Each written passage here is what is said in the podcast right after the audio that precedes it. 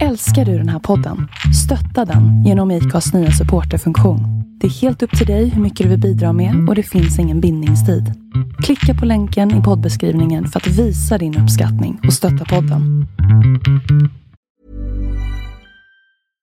Wow! Nice! Yeah!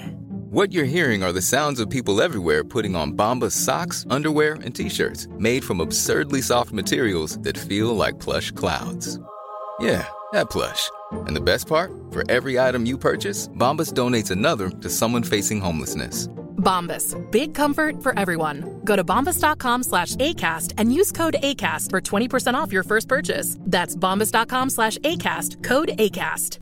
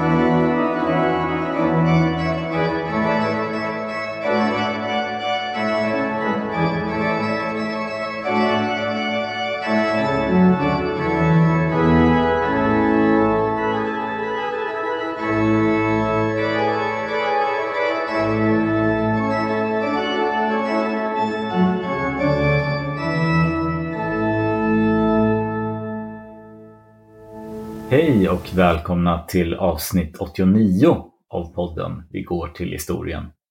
Och eh, nu är hösten här, i vart fall snart. September var väl en höstmånad. Det stämmer och hösten är ju en utmärkt årstid för att lyssna på historiska poddar. Eh, Fredrik, här är Ulf Gemsjö och eh, i förra avsnittet berättade vi om den 17-årige Karl XIs tronbestigning och analyserade utförligt hans tudelade personlighet. Vi talade om hans fastrar, kusiner, som den skandalomsusade Juliana och om hans farbror, den kontroversielle rättshaveristen Adolf Johan. En mycket spännande person som jag tänkte vi nu ska återknyta kontakten med är den landsflyktiga drottning Kristina. Vi har berättat om hennes liv i Rom, kontakterna med påven Alexander VII som tog emot henne på det mest storslagna sätt. Den till katolicismen konverterade dottern till den kung som gav sitt liv för protestantismen. Det kunde ju inte ha varit en större propagandatriumf för Vatikanen. Vi har talat vidare om hennes livsstora kärlek, kardinal Assolino, om hennes misslyckade försök att med den franske kardinalen Mazarins hjälp bli drottning i Neapel, hur hon lät avrätta Monaldesco, något som väckte stort uppseende och ledde till mycket kritik mot henne. Något hon avfärdade med att bland annat säga att hon hellre högg huvudet av folk än att vara rädd för folk. Ja, vad säger du om den livsfilosofin?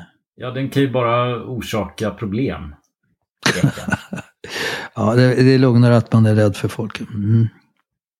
ska man inte vara heller, men respektfull och trevlig. Försöka Ja. vinna över på sin sida. inte vara rädd, men inte heller vara aggressiv. Nej, lågaffektiv. Kristina mm. Kristina gjorde ju två återbesök i Sverige. Det första 1660 i samband med begravningen av kusin Karl X Gustav, hennes av henne själv utsedda efterträdare.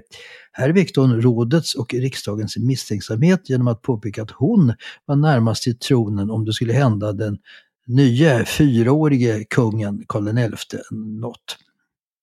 Och år 1667 är hon tillbaka i Sverige efter ett år i Hamburg för att försöka ordna upp sina trassliga ekonomiska affärer. Men här kommer hon i konflikt med förmyndarregeringen med kansler Magnus Gabriel de la Gardie i spetsen, hennes tidigare gunstling som hon sedan dissat och därför nu kraftigt motarbetades av. Hon avslöjas med att ha smugglat med sig en katolsk präst i sitt sällskap. Kristina kommer nu inte längre än till sin underhållsstad Norrköping. Aldrig fram till Stockholm. Eh, hon lämnar mycket upprörd Sverige för att aldrig mer återkomma. Men Kristina åker inte direkt tillbaka till Rom utan stannar ännu ett år i Hamburg. Direkt när hon kommer dit får hon reda på att påven Alexander VII har dött. Han efterträds så småningom av Clemens den nionde.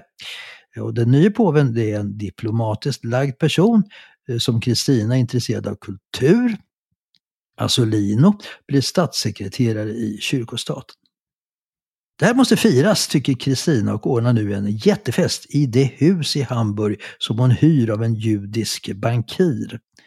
Stadens myndigheter ber henne avstå. Hamburg är en strikt protestantisk stad. Det är bara 20 år sedan det stora 30-åriga inbördeskriget mellan katoliker och protestanter slutade. Motsättningarna finns kvar. Men att följa andras råd eller känna av stämningar hör inte till Kristinas främsta egenskaper. Får hon en idé genomför hon den. Hyreshuset lyses upp av 600 facklor. På fasaden finns bilder och texter som hyllar den nye påven. En stor folkmassa samlas utanför huset och till att börja med är stämningen mycket god då Kristina bjuder på gratis vin. Men vid midnatt är vinet slut och stämningen ändras radikalt bland de eh, säkert i många fall höggradigt berusade människorna. De börjar ropa skymford mot påven och snart börjar stenar kastas som krossar fönstren på Kristinas hyrda hus. De eh, protesterande protestantiska demonstranterna försöker forcera de låsta dörrarna till huset. Förskrämda tjänare flyr ut bakvägen. Det märkliga är att någon statsvakt inte dyker upp för att hejda huliganerna. Kristina dock behåller sitt lugn. Ja, man kan beskylla henne för mycket, men någon rädd, mesig kvinna, det var hon ju minst av allt. När hon nu inte får någon hjälp av stadens myndigheter beordrar hon sina egna beväpnade vakter att gå ut och först skjuta i luften och sen när det inte ger någon effekt rakt in i folkmassan. Nu blir det verkligen kalabalik och nu dyker äntligen stadens väktare upp. Folkmassan skingras, men Kristinas vakter hann skjuta ihjäl åtta personer och skada många fler allvarligt. Kristina känner ingen som helst skuld för detta, skriver i brev till Assolina att citat jag har fått låta blod flyta eftersom vinet tog slut. Ja, det kanske friar henne från ett visst ansvar. ja, för henne själv i alla fall. Eh, trots motgången i Sverige och nu i Hamburg har Kristina minst av allt några planer på att varva ner och leva ett stillsamt liv i Rom. Det verkar som hon inte riktigt inser att hon stöter många ifrån sig. I Sverige säger riksdrotsen Per Brahe under riksdagen 1668 att citat, det är illa att vi så länge låtit henne fara som ett jäckspel omkring i världen. Vi kunna ej längre försvara sådant, varken för vårt samvete eller en gång för salig konungen, hennes far. Ja, Per Brahe föreslår att om hon skulle återkomma till Sverige än en gång skulle man ta henne i förvar och sätta henne på en av hennes underhållslän, nämligen Öland, under bevakning. Något sådant beslut tog man eh, dock inte. Bland annat rikskanslern Magnus Gabriel de la Gardie tyckte att det var, gå, det var att gå för långt att sätta Kristina i något slags eh, husarrest. Kristina hade ju som sagt misslyckats med att bli drottning i Neapel, men nu ser hon möjligheter att bli drottning i ett annat, ur svensk utgångspunkt på flera sätt mer närstående land. Eh, kan du tänka dig vilket? Ta upp fyra alternativ. Mm. Uh, Okej. Okay. Danmark, Nederländerna, Polen, Brandenburg. Brandenburg. Ja, det skulle man kunna tänka. 50-50. Ja, 50-50, okej. Okay. Mm. Då, då går två bort. Är Brandenburg och Danmark. Det som är kvar är Nederländerna och Polen. Eh, Polen.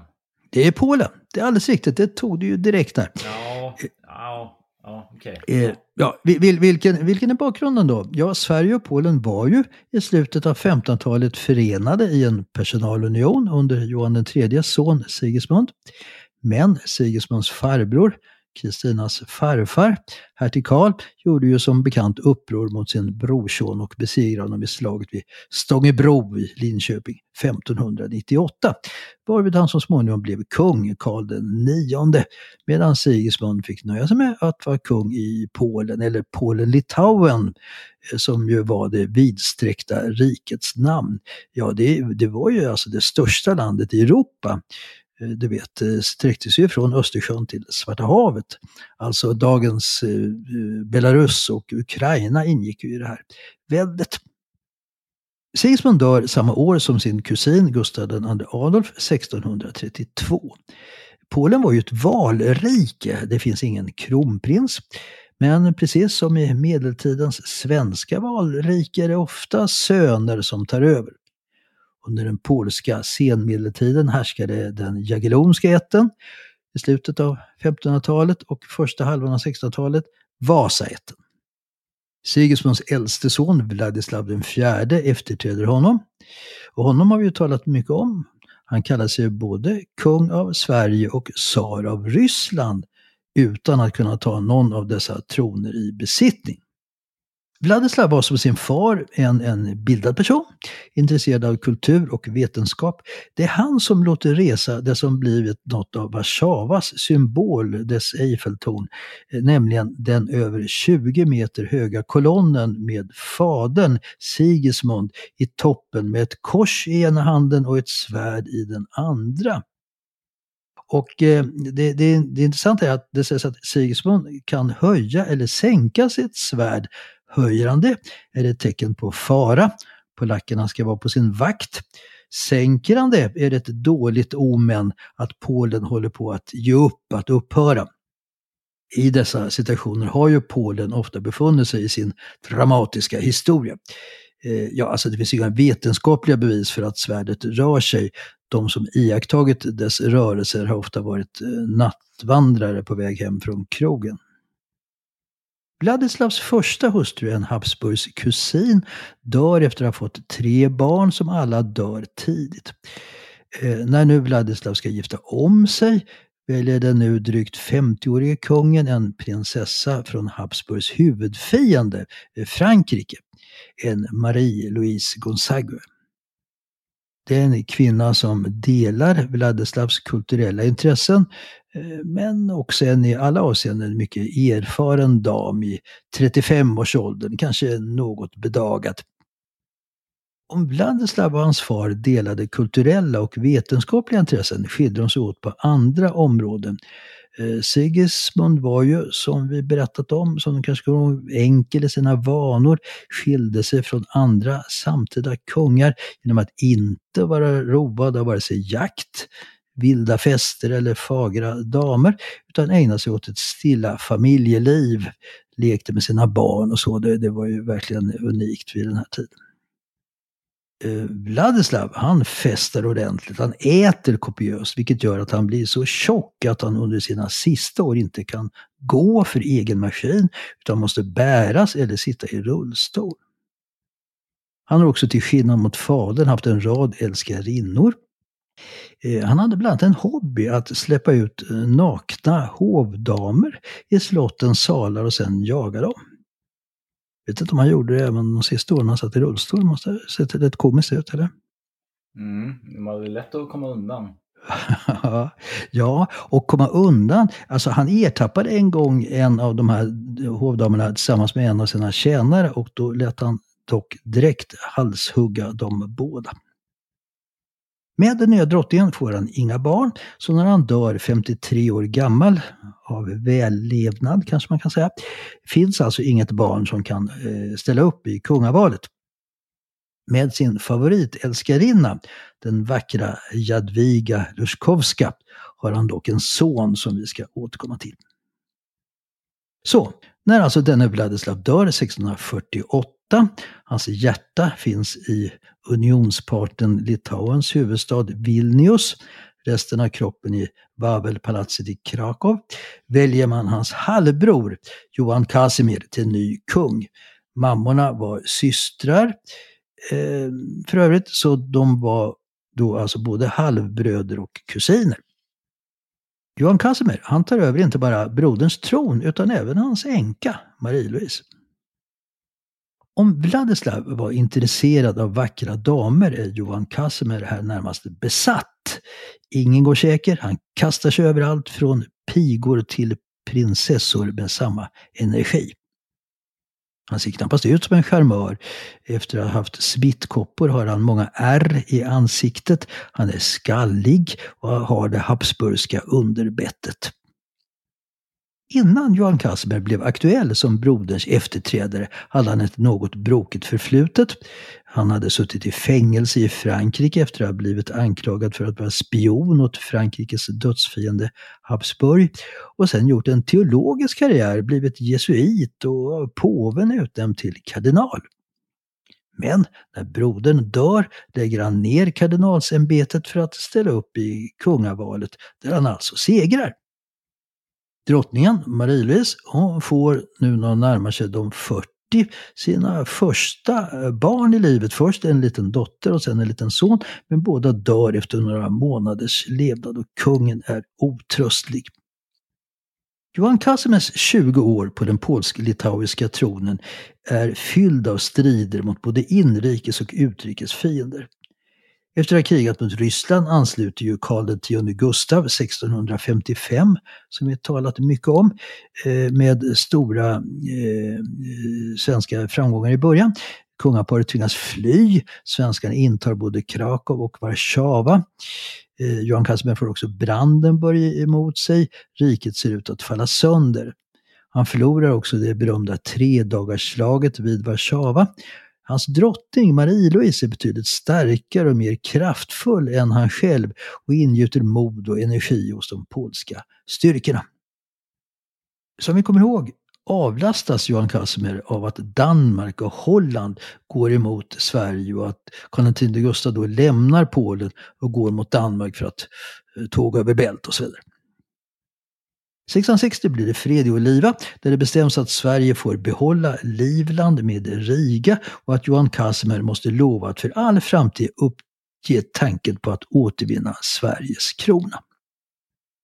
Mycket tack vare drottningen är dock Johan Casimirs tid vid makten en kulturell storhetstid. Marie-Louise arbetar varje dag vid sitt skrivbord från nio på morgonen till nio på kvällen. Hon lär sig polska, grundar teatrar och skolor, stöttar vetenskaplig forskning, hjälper fattiga och kvinnor och så vidare. Men hon har också med sig nöjesvanor från Frankrike som man ställer till med stora fester kring olika teman i slottsparkerna. Något som eh, Gustav III skulle ta upp i Hagaparken och Drottningholmsparken över hundra år senare. Men det politiska läget i Polen blir allt svårare för Johan Casimir. Kriget med ryssarna fortsätter. Motsättningarna eh, till den mäktiga polska adeln blir allt större. Eh, kosacker i dagens södra Ukraina gör uppror. Eh, utländska makter försöker blanda sig i den polska inrikespolitiken. Framförallt Ludvig XIVs Frankrike som har en nära allierad i drottningen som ju vuxit upp i Frankrike. Man försöker få en fransk prins till tronföljare. Eh, 1665 råder närmast inbördeskrig i landet med olika grupperingar som bekämpar varandra. 1667 avlider drottningen, 55 år gammal. Johan Casimir tar hennes död mycket hårt. Och det är nu som Kristina börjar engagera sig i situationen i Polen. Hennes medhjälpare vid sista besöket i Sverige, Lorenzo Adami, som vi talade om tidigare, skriver ett brev till Kristina där han återger ett rykte att Kristina har planer på att gifta sig med Johan Casimir när han nu blivit enkling. Kristina blir mycket upprörd när hon läser detta brev och svarar citat Det är inte omöjligt att jag efterträder kungen av Polen, men jag kommer definitivt inte att efterträda drottningen. Samma år, 1667, utbryter ett krig mot turkarna. Läget blir alltmer ohållbart och till sist bestämmer sig Johan II Casimir att abdikera, vilket han gör i september 1668. Därmed är epoken Vasa över på Polens tron, men landet hade alltså en Vasaregent 14 år senare än Sverige. I sitt avskedstal till den polska riksdagen kommer Johan Casimir med en kuslig profetia, nämligen att landet skulle slitas sönder mellan sina grannar. Han säger att Ryssland skulle erövra Litauen och Vitryssland, alltså Belarus. Eh, eh, östra Ukraina hade, hade ryssarna redan, precis som idag, eh, alltså ockuperat. Eh, han, han säger att Brandenburg ville erövra det man kallar Storpolen, alltså centrala Polen och Preussen. Och Österrike vill åt eh, södra Polen med, med Krakow. Han säger att han hoppas att han är en falsk profet.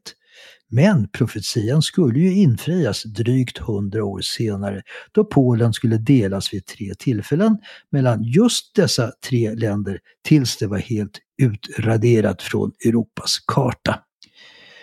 Landet återuppstod ju först efter första världskriget. Året efter abdikationen flyttar Johan Casimir till Frankrike, till Paris. Där får han en fransk statspension av Ludvig XIV. Han har också fått med sig en del lösöre från Polen, konstverk, bland annat en Rembrandt-tavla, äkta mattor och sin favoritbekänt, en, en dvärg. 1672 så gifter han om sig eh, morganatiskt. Kommer du ihåg vad det innebar? Ja, men det kommer jag ihåg och det är väl när man gifter ner sig, är det inte så? Ja, visst under, under sitt stånd så att säga. Ja, alltså, ja exakt, gifter ner sig vid den tidens eh, mm. tolkning och begrepp kunglig gifts med en vanlig person. Ja. Och i det här fallet så gifter sig då Johan Casimir med en Claudine Mignot. en spännande äventyrerska som med en mycket enkel bakgrund som fattig tvätterska i två tidigare äktenskap gift till sig både stora förmögenheter, fina titlar och därmed en plats i Paris societeten. Men efter bara några månaders äktenskap blir Claudine änka för tredje gången och kan ytterligare utöka sin ärvda förmögenhet. Johan Casimir, Gustav Vasas son, son, son, dör i lunginflammation 63 år gammal. Hans hjärta återfinns i kyrkan i Saint-Germain-des-Prés. Resten av kroppen skickas till Wawelslottet i Krakow. Och med Johan Casimers död i december 1672 utslocknar den kungliga eh, Vasaätten på manslinjen. Och med drottning Kristinas död så kom ju ätten att dö ut. Och det, det kan ju förefalla märkligt. Om vi går tillbaka till Gustav Vasa. Han hade ju nio barn som nådde vuxen ålder och varav fyra söner. Men om vi tänker tillbaka, äldste sonen Erik den XIV fick ju en son, Gustav, som dog tragiskt ensam och fattig djupt in i Ryssland. Hans öde har vi pratat om. Och här, ja, just det, här finns ju förresten en intressant koppling till Johan Casimir, kommer ihåg? Den abdikerande polske kungen kom över Erik den XIVs dagbok som Gustav sålt, tog med sig den till Paris där den såldes vidare och vad hände sen, kommer du ihåg? Det här är en mm. riktigt bra och spännande historia. Mm, ja, den... Var, var det den som hittades eh, av någon som hade den som inslagningspapper? Eller? Ja, exakt. En, en, en, en försäljare där i Paris och en svensk student eh, Ribbing kom över den här dagboken eh, som används som, som, som du säger, som omslagspapper för godis som, som Ribbing köpte, köpte där i, i Paris. En, en otrolig historia. Eh, och eh, om vi ser vidare nu då, Vasa, eh, alltså Johan III han fick ju då Sigismund, men ingen av hans söner fick ju någon son som blev vuxen. Och eh, nummer tre, Magnus, den galne östgötske hertigen, han gifte sig aldrig och fick inte heller några söner. Och så slutligen Karl IX fick ju två söner men varken Gustav II Adolf eller Karl Philip fick ju någon son i sina äktenskap. Så Vasaätten dör ut. Intressant är ju som sagt att den levde kvar längre i Polen än i Sverige. Sen finns det ju förstås utomäktenskapliga ättlingar, eh, alltså Gyllenhielm och Vas, av Vasaborg. Men Gyllenhielm eh, dog ut med Carl Carlsson Gyllenhielms död 1650 på svärdsidan som det heter. och eh, Gyllenhielm, för övrigt och med Carl Philips dotter Elisabeth på som det heter Spinnsidan 1685. Och av Vasaborg, det går tillbaka på Gustav II Adolfs son Gustav Gustafsson. Och med hans sonson dör den ätten ut 1754 på svärdssidan. Men det är klart, eh, i vår moderna jämlika tidevarv så kanske man inte bara ska prata om söner. Alltså genom döttrarna lever förstås Vasablodet vidare. Gustav Vasa hade ju fem döttrar som alla fick barn. Eh, och Erik den XIV och Johan den tredje och hertig Magnus hade många utomäktenskapliga döttrar som bildade familjer med, med, med eh, allmänt adelsmän. Så genom dem sprids förstås Vasablodet vidare. Och alla nuvarande kungahus i Europa, alltså även det svenska, trots den franska Bernadotte-bakgrunden, har ju några centilitrar Vasablod i ådrarna. Vi redde ut det där i förra avsnittet, kommer du ihåg? Mm. Ja men absolut. Det är inte så att jag ligger sömnlös om nätterna för att eh, inte har Vasablod från faderns eh, sida mm. kvar. Ja, men man kanske ska vidga begreppet lite då. Okej. Okay. Inte, inte alls kanske. Äh, nej, nej. Hur menar du då? Nej, men att det spelar kanske ingen roll om vad som har dött ut och inte. Mm, mm. Men, men om vi återvänder nu det här med Kristina, hur, hur, var det nu med, med, med henne som tänkbar efterträdare till Johan Casimir som polsk regent? Ja, hon är en av fyra kandidater i det kommande polska kungavalet. De andra är en österrikisk hertig och två franska prinsar, en av dem en bror till Ludvig den XIV. Kristina eh, ser först till att hon får stöd i frågan hos påven. Hennes starkaste argument är att hon kan föra Vasaätten vidare i Polen-Litauen. Vasaätten hade ju suttit på tronen där sedan 1587. Kristina har dock två omständigheter emot sig. Hon är kvinna och hon vill inte gifta sig. Och på den punkten är hon obeveklig. Hon skriver inför valet om äktenskapet citat. Mitt humör är dödlig fiende till detta fruktansvärda ok, vilket jag icke skulle ålägga mig om jag så skulle bli världens härskare. Gud har låtit mig födas fri och jag skulle aldrig kunna gå med på att underordna mig en härskare. Eftersom jag är född att befalla finns det ingen möjlighet för mig att lyda eller att ålägga mig detta slaveri som skulle bli det olidligaste av allt som min fantasi överhuvud kan föreställa sig. Ja, om man jämför Kristinas tvekan eller ovilja att gifta sig i sina tal till den svenska riksdagen när hon ändå var svensk drottning så kan man väl säga att antipatin mot äktenskap verkligen har förstärkts. Och Kristina är ju inte den som kan tänkas kompromissa när det gäller framförda önskemål om en framtida drottningroll. Hon är ju verkligen take it or leave it.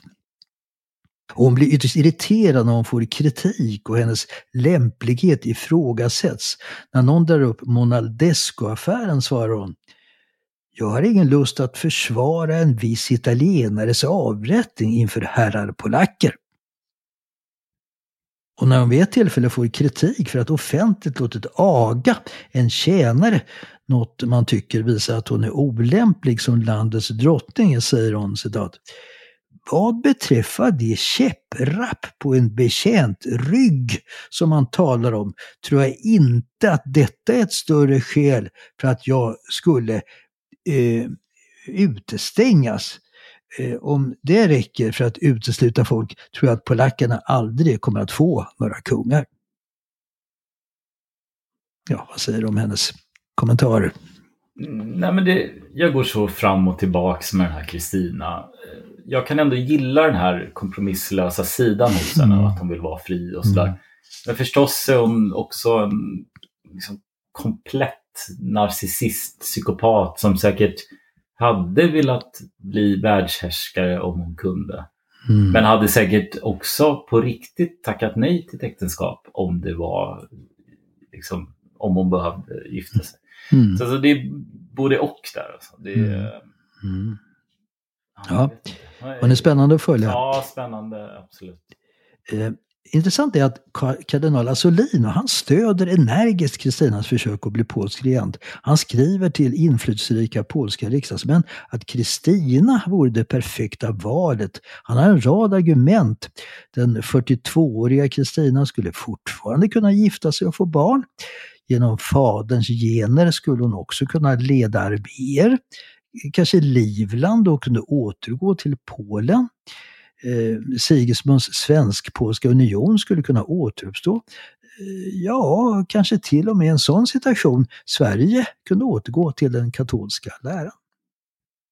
Man kan ju tycka att det är lite märkligt att Asolini, som uppenbarligen trivs i hennes sällskap, gärna stöder hennes planer på att bli regent i ett annat land. Och det börjar även Kristina fundera över när hon själv mer och mer efter det motstånd hon möter börjar tvivla på sin ursprungliga önskan att bli polsk regent. Hon skriver till Assolino, Asolino citat, jag vet inte hur jag önskar att den här saken ska utfalla. Jag har hunnit ångra tusen gånger att jag någonsin tog upp den. Jag kommer att bli otröstlig om jag lyckas.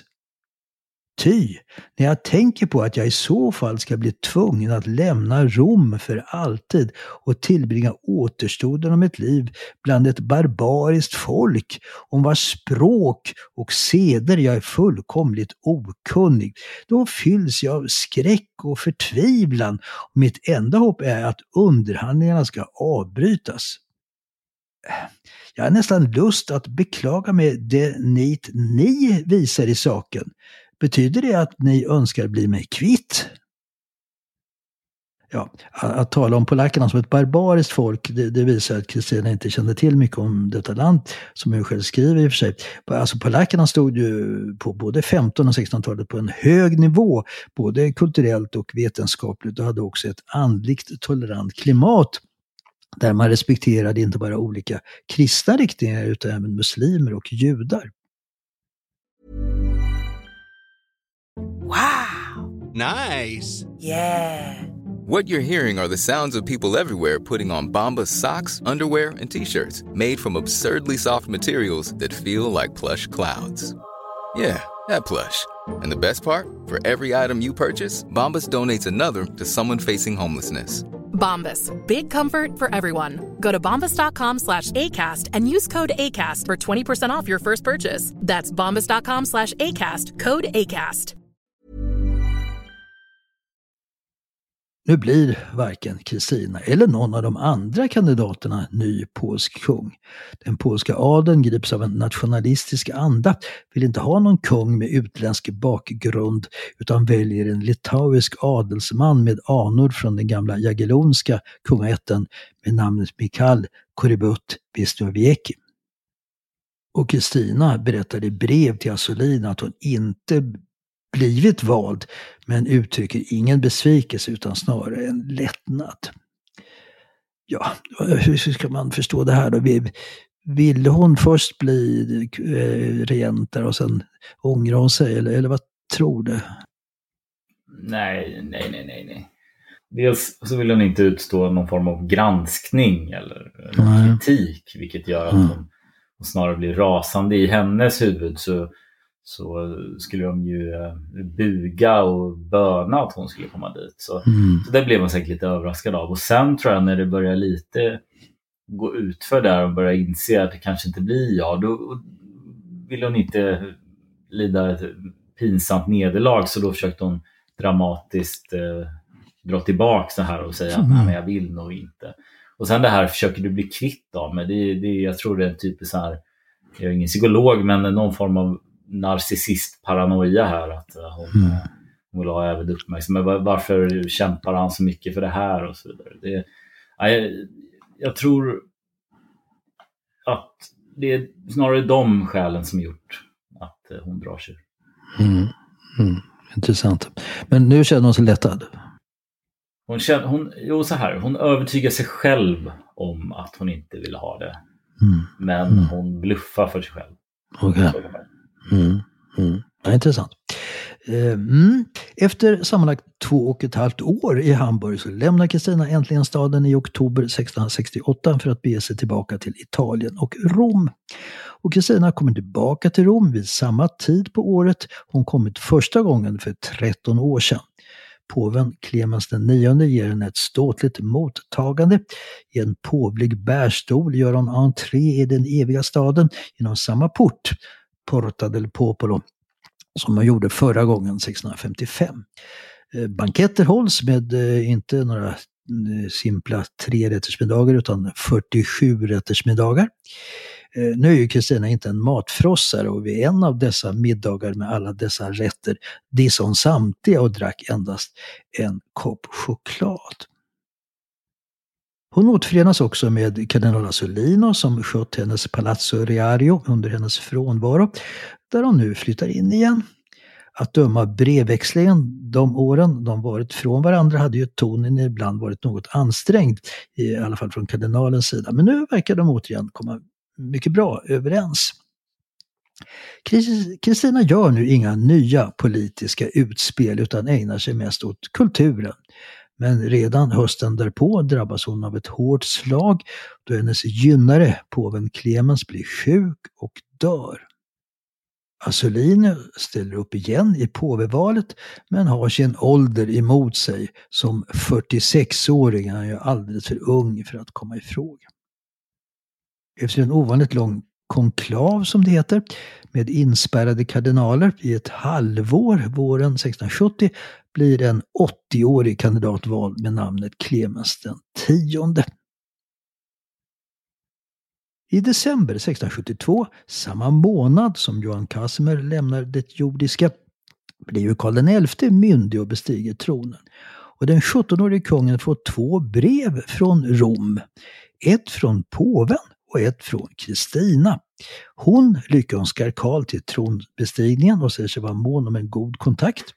Hon är ju beroende av det ekonomiska underhållet från sitt hemland. Men varför skriver påven till den svenska monarken? Jo, anledningen är hotet från det muslimska Osmanska riket, alltså Turkiet, som varit på frammarsch sedan hundra år tillbaka och som vi nämnde erövrat sydöstra delen av Polen. Påven vill ha Sveriges stöd till Polen mot eh, den här osmanska muslimska expansionen. Eh, här gäller det att sätta motsättningarna mellan katolicismen och protestantismen åt sidan och ställa upp till försvar för den hotade kristenheten.